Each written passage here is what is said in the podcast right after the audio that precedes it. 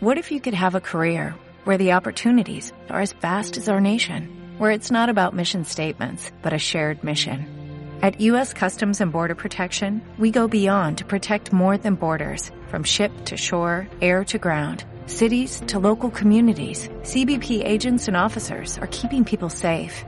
Join U.S. Customs and Border Protection and go beyond for something far greater than yourself. Learn more at cbp.gov/careers. Molt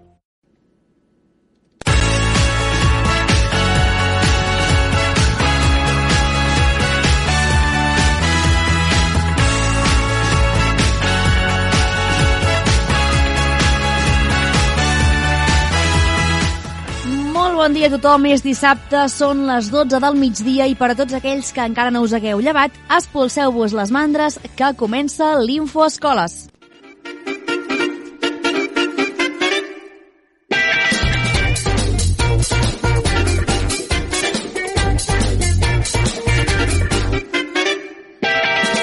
Això és l'Infoscoles, un programa de ràdio on cada mes els nens i nenes, nois i noies de Sant Fruitós de Bages són els protagonistes. L'últim dissabte de cada mes, alumnes de l'Escola del Pla del Puig, de l'Escola del Paidós, de l'Escola Mont, Senyor Givert i de l'Institut Gerbert d'Aurillac es posaran davant dels micròfons de Ràdio Sant Fruitós i ens parlaran d'alguna cosa que hauran estat preparant durant aquest mes amb els seus professors i professores. A l'Infoscoles d'avui, ai que m'ofego, què hi trobarem? Doncs és la primera de l'any 2023 no tirem ja bon any nou perquè crec que aquestes alçades ja no toca, però bé, és la primera d'aquest any 2023 i tornarem a recuperar les quatre escoles de Sant Fruitós que per fi poden participar totes. Avui ja no hi ha ni cap professor malalt ni cap grup adormit i per tant els tindrem a tots quatre. Començarem escoltant els alumnes de sisè de primària del PAIDOS que han recuperat la cooperativa d'alumnes. Amb ells sabrem de què es tracta. Després anirem cap als més grans de tots, els alumnes de primer de batxillerat del Gerbert d'Aurillac, per parlar del paper d'una juglaresa que els va visitar. Encararem la recta final passant per l'escola Montsenyor Givert parlant del piquebol i finalment els nois i noies de quart de primària de l'escola Pla del Puig ens explicaran d'una manera molt original l'època del paleolític. Esteu preparats? Perquè jo, com sempre, ho estic i molt. Per tant, si us sembla, som-hi! I comencem, com dèiem, per l'escola PAI 2.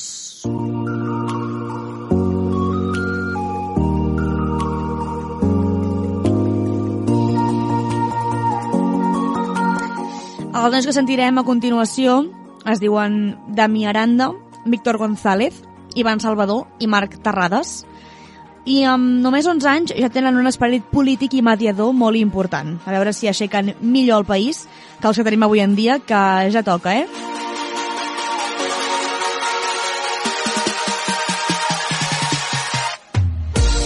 Aquesta cançó no és casualitat, de fet em van demanar ells que la, que la posés, és una cosa que em sembla curiosa, no? perquè cada vegada als nois i noies els agraden coses més curioses. Eh? Aquesta cançó dura una hora sencera i té aquest ritme i és una mena de gofre mm, tota l'estona rodant i fent aquesta, aquest, aquesta cançó. En fi, em van demanar aquesta, aquesta sintonia, aquesta melodia, i aquí la tenen, però de moment per escoltar-los en posarem alguna de, de més actual i, de, i, i també de molt i molt xula. Per tant, som-hi va a escoltar aquests nois que ens explicaran què és aquesta cooperativa d'alumnes.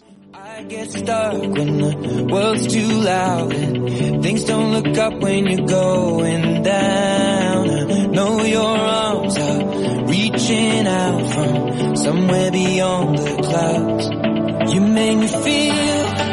Benvolguda audiència de la ràdio Sant Fruitós FM. Avui us venim a parlar des de l'Escola Paidos. Aquest curs hem reactivat la cooperativa d'alumnes, la força del grup. La cooperativa té l'objectiu de fer activitats lúdiques, educatives i solidàries. Està formada per alumnes de sisè i els professors que ens ajuden.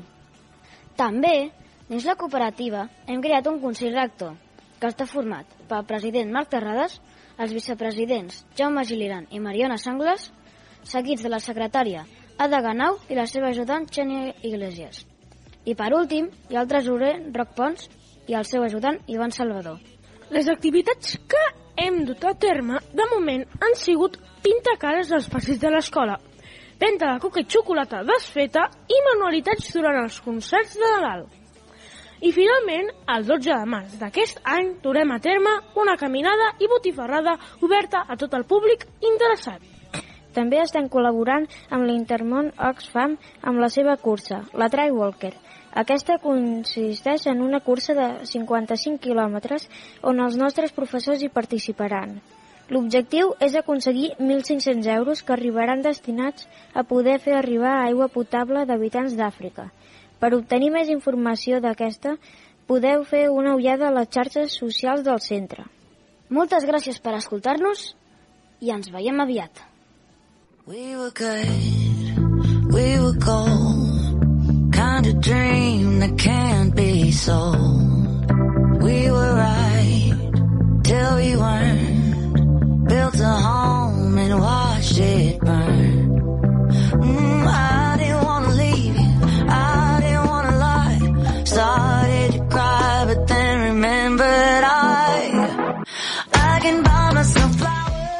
De sisè de primària passem a primer de batxillerat. En aquest cas, la Berta, el Jan i l'Isaac són tres joves que els agrada el món de la comunicació i fins i tot algun d'ells està plantejant-se l'opció de ser periodista. Ells parlaran sobre una juglaresa que els va visitar a l'institut i, per tant, si us sembla, escoltem-los perquè verdaderament tenen traça, eh? tenen qualitats comunicatives tots ells. Som, escoltem-los. Bé, doncs, el dia, el passat 16 de desembre, l'alumnat de primer de batxillerat, vam rebre la visita d'una juglaresa. La Laura, que és qui ens va fer el taller, es dedica a fer arqueologia i recerca d'instruments medievals. És també la persona que ha dissenyat i construït els instruments que després va, ens va mostrar i va fer sonar. De fet, tot el material que mostra és fruit de la seva tesi doctoral sobre arqueologia musical medieval. Amb ella vam poder sentir la tonada de peces que havíem estudiat a l'aula, especialment la poesia trobadoresca, i fer-nos una idea molt més clara de les melodies medievals que tocaven els, els juglars de poble en poble i els castells. Els instruments que vam veure en una mostra de l'enginy medieval per fer-se amb instruments a partir de materials ben diversos, des de banyes, des d'ossos, des de pells, des de vísceres, des de budells, i fins i tot els vam poder olorar. Eh, de cada instrument hi penjava una història, ja fos del jaciment arqueològic, del capitell on es representava, o de la, de la dificultat de reproduir-lo, o de la curiositat de la seva propagació, ja que és una feina que ja es podia estar dues setmanes o fins i tot un any. Vam aprendre per què els llaüts tenen panxa, per què servia una bufeta, la potència del so del corns, els materials de les cordes dels instruments i moltes altres curiositats més. A part, vam sentir peces en català antic, occità i galego-portuguès. Va ser una experiència medieval molt sensitiva perquè vam poder veure, tocar, sentir i fins i tot olorar els instruments. Però sobretot fou un viatge sonor a l'edat mitjana. I doncs perquè també en alguns moments ens vam sentir com vilatans de la Sagrera del segle XII que escolten embadalits una juglaresa. Remembered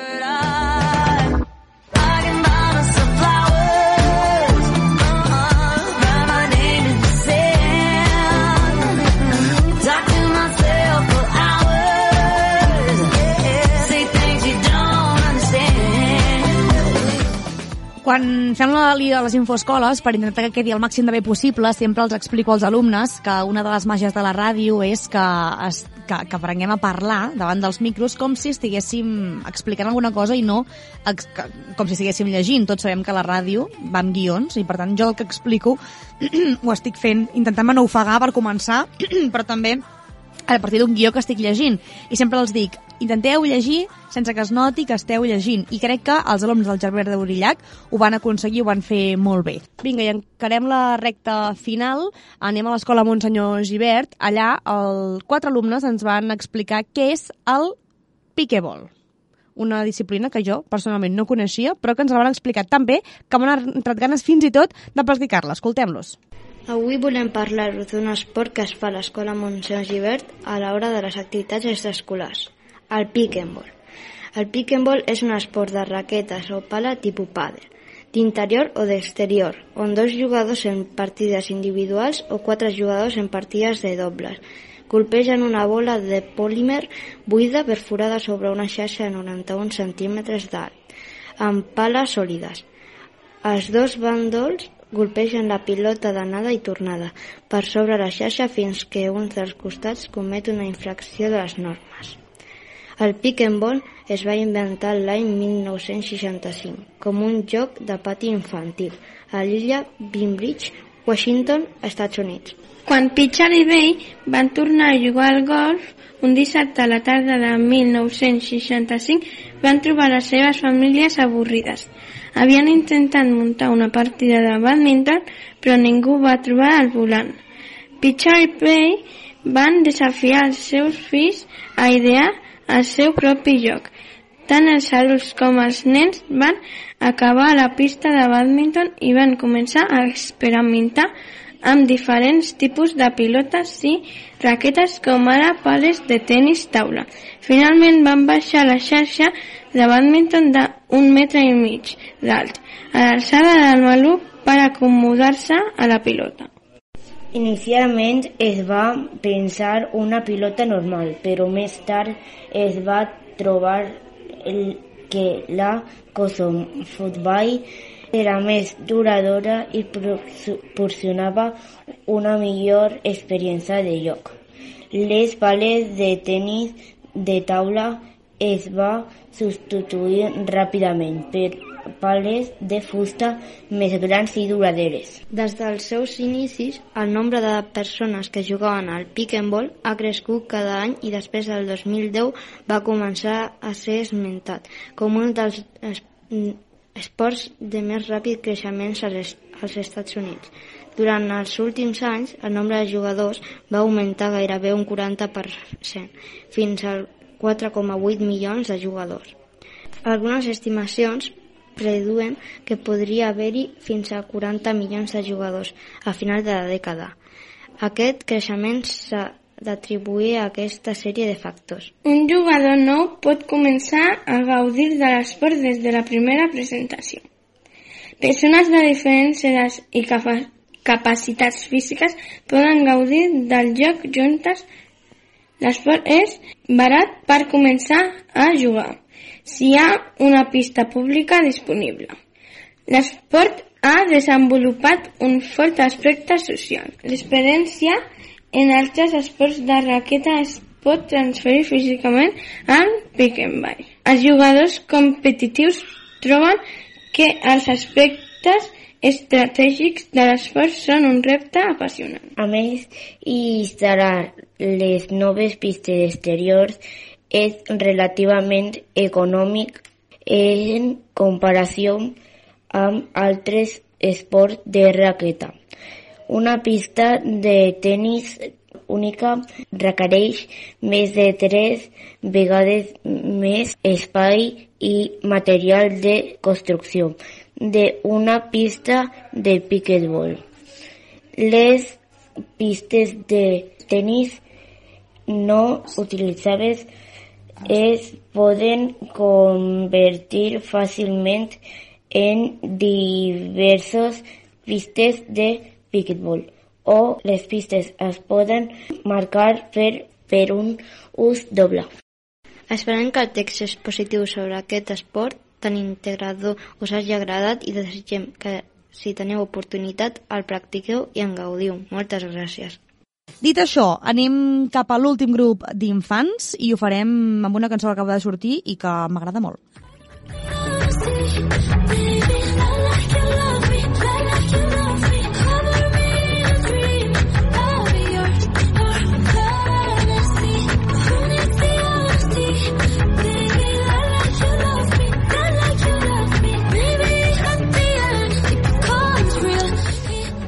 Amb aquesta cançó acaba de sortir del forn de la Rosalia, viatjarem justament a un dels moments més antics que coneixem. Els alumnes de cinquè de primària, eh? a la introducció he dit quart de primària, disculpes, són, és, són els de cinquè de primària del Pla del Puig, van passar per la ràdio de Sant Fruitós i van parlar-nos sobre aquesta època i per acabar de rodonir-ho van cantar-nos una cançó. Per si no ens havia quedat clar amb el text, ho van fer una cançó que els va quedar molt i molt bé.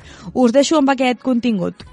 Bon dia, som els alumnes de cinquè de l'Escola Pla del Puig i avui us venim a explicar el projecte que hem fet sobre la prehistòria a través del Classroom. Sabeu quina és la feina d'un arqueòleg? La paraula arqueologia procedeix del grec arqueos, vell o antic, i de logos, ciència. Per tant, és una ciència que estudia, descriu, interpreta una societat del passat a partir de les restes materials, objectes de pedra, ceràmica, fustes, ossos, construccions, etc. El nostre projecte va començar amb la invitació de l'investigador i arqueòleg català Eduard Carbonell i Roure, actualment codirector del projecte Tapuerca i director general de la Fundació Tapuerca, a Burgos, on hi ha el Museu de l'Evolució Humana. Ens vam proposar viatjar al passat i fer clans on cada membre del grup tindria rols diferents per poder cercar informació sobre la prehistòria. Així doncs, ens vam posar a treballar de valent, vam constituir els diferents clans, ens vam posar un nom i vam començar a investigar i a recollir informació a partir de diferents materials. Textos, revistes, llibres, pàgines web, vídeos...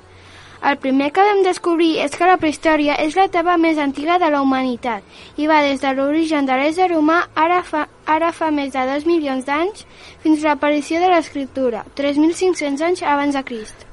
Fa uns 6 milions d'anys, alguns primats d'Àfrica van començar una lenta evolució per adaptar-se a les noves condicions climàtiques i sobreviure en un medi hòstil. Eren els primers homínids al procònsul que amb el pas del temps va donar lloc a l'espècie humana. Els canvis que, va, que van convertir els primats en éssers humans van ser els següents. El bipedisme, el desenvolupament del cervell, l'alliberament de les mans i l'aparició del llenguatge.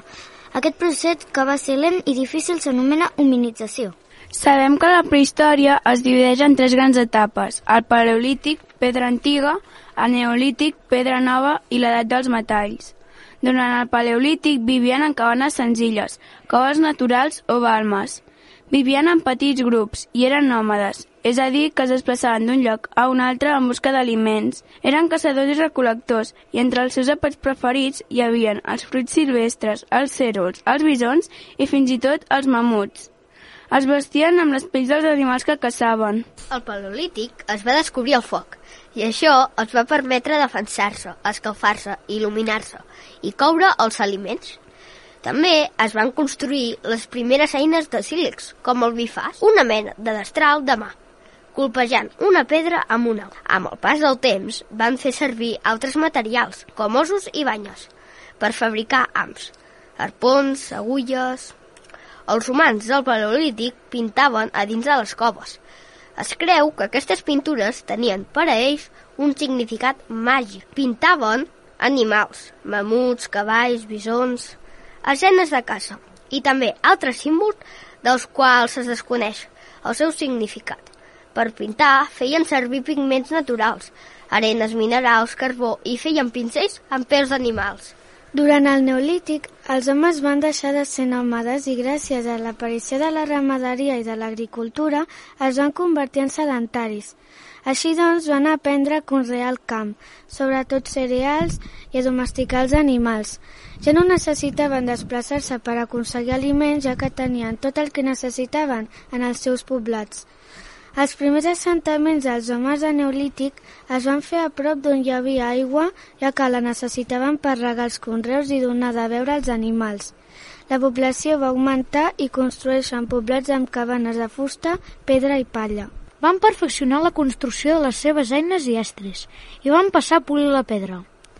Apareix la ceràmica, gots, plats i estris d'ús domèstic, la cistelleria i els teixits. Van començar a intercanviar productes entre ells i amb d'altres pobles, i aquest fet va ser l'inici del comerç. Van construir monuments megalítics, que són grans construccions fetes en pedra, que tenien un significat màgic i servien per enterrar els difunts. Els éssers humans seguien progressant i van construir armes i eines de metalls, molt més resistents que les de pedra. Va ser l'inici de l'edat dels metalls. Amb l'aparició de la metal·lúrgia es van descobrir metalls com el coure, el bronze, el ferro i fins i tot l'or. Va anar creixent el comerç i l'intercanvi de productes. Els poblats estaven situats en llocs elevats, per defensar-se millor. Van anar creixent i es van convertir en ciutats emmurallades. Hi havia batalles per evitar possibles invasions d'altres pobles. Els tres grans descobriments d'aquesta etapa de la història van ser la roda, la vela i l'arada. I amb l'arribada de l'escriptura acaba la prehistòria. Tota la informació que van recollir entre tots els membres del clan es va servir per crear un Google Site. Acabada aquesta fase del projecte, cada grup va exposar als seus companys el que havia treballat sobre la prehistòria. El nostre viatge a través del temps ens ha permès conèixer com vivien els primers humans, quins han estat els grans descobriments i avenços de la prehistòria i com han, han evolucionat els humans. El nostre esforç ha tingut recompensa i hem obtingut el títol i el carnet d'experts arqueòlegs i arqueòlogues. A continuació es cantarem la cançó de la prehistòria amb lletra i música d'Alberto Núñez.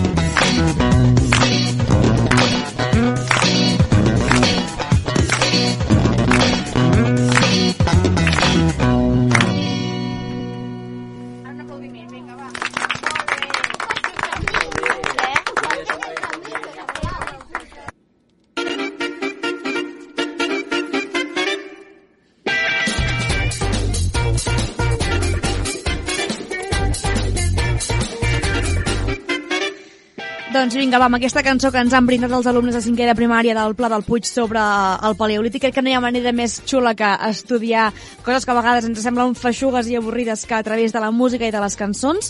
I res, amb això ho deixem aquí, fins aquí a l'Infoescoles de, del gener del 2023. Jo m'he passat molt bé, com sempre, escoltant-vos a tots, i recordeu que ens podeu escoltar en podcast pels que us ho heu perdut en directe al web de Ràdio Sant Fruitós, a l'apartat d'Infoescoles, i ja només em queda dir-vos que moltíssimes gràcies a tots els alumnes per viatjar per aquesta meravellosa professió que és la ràdio per les zones de Ràdio Sant Fruitós i per tota la resta ens la trobem el mes que ve, l'últim dissabte del febrer, a les 12 del migdia al 107.5. Una abraçada molt i molt forta. Every day, we rise, challenging ourselves to work for what we believe in. At U.S. Border Patrol, protecting our borders is more than a job, it's a calling. Agents answer the call, working together to keep our country and communities safe.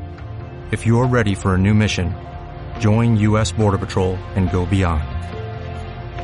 Learn more at cbp.gov/careers.